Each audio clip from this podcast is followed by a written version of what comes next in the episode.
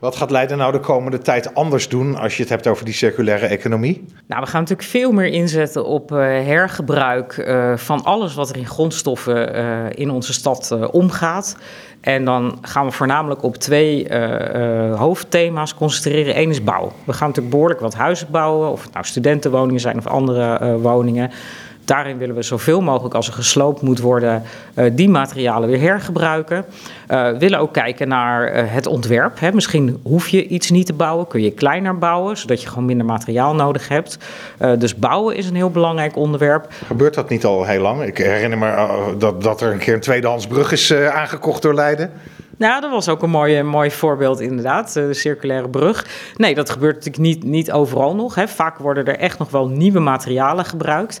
Uh, bij onze eigen projecten doen we sowieso circulair slopen. He, dus dat is eigenlijk noemen we dat oogsten. Dat je alles apart inzamelt en weer op een nieuwe manier kunt hergebruiken. Hoeft niet altijd in Leiden te zijn, kan ook daarbuiten zijn. Uh, maar ook wel, het ligt eraan wat voor materialen je gebruikt. Bijvoorbeeld houtbouw. Uh, hout legt natuurlijk CO2 vast in plaats van bijvoorbeeld beton. Uh, wat niet die CO2 vastlegt. Dus we willen ook met derden, met ontwikkelaars in onze stad, goed in gesprek over hoe je nou gaat bouwen. En hoe je dus veel minder materialen gebruikt. Want dit is allemaal nog op vrijwillige basis.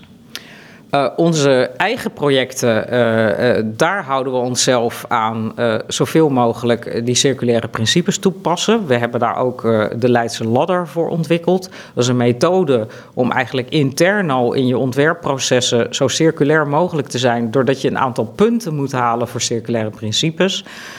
in de buitenwereld kunnen we het niet altijd afdwingen, maar je kunt natuurlijk wel aan de voorkant aan gesprek gaan. Ook omdat het nou ja, zeker niet altijd duurder is. Soms is het gewoon zelfs goedkoper. En soms is ook de beschikbaarheid van materialen natuurlijk een probleem. We hebben natuurlijk een tijd gezien dat staal, maar ook zelfs hout, gewoon lastig leverbaar is. Nou, hoe goed is het dan als je het al in je stad beschikbaar hebt en dat je het weer opnieuw kunt inzetten? Maar je kan een bouwer dus niet uh, dwingend opleggen om houtbouw te, te, toe te passen in plaats van beton.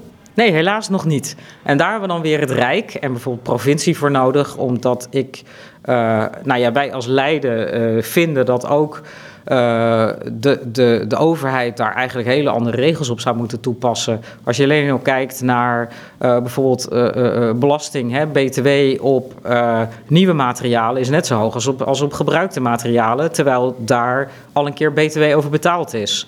Dus je zou kunnen zeggen van nou, alles wat je hergebruikt, daar hoef je dus geen btw over te betalen.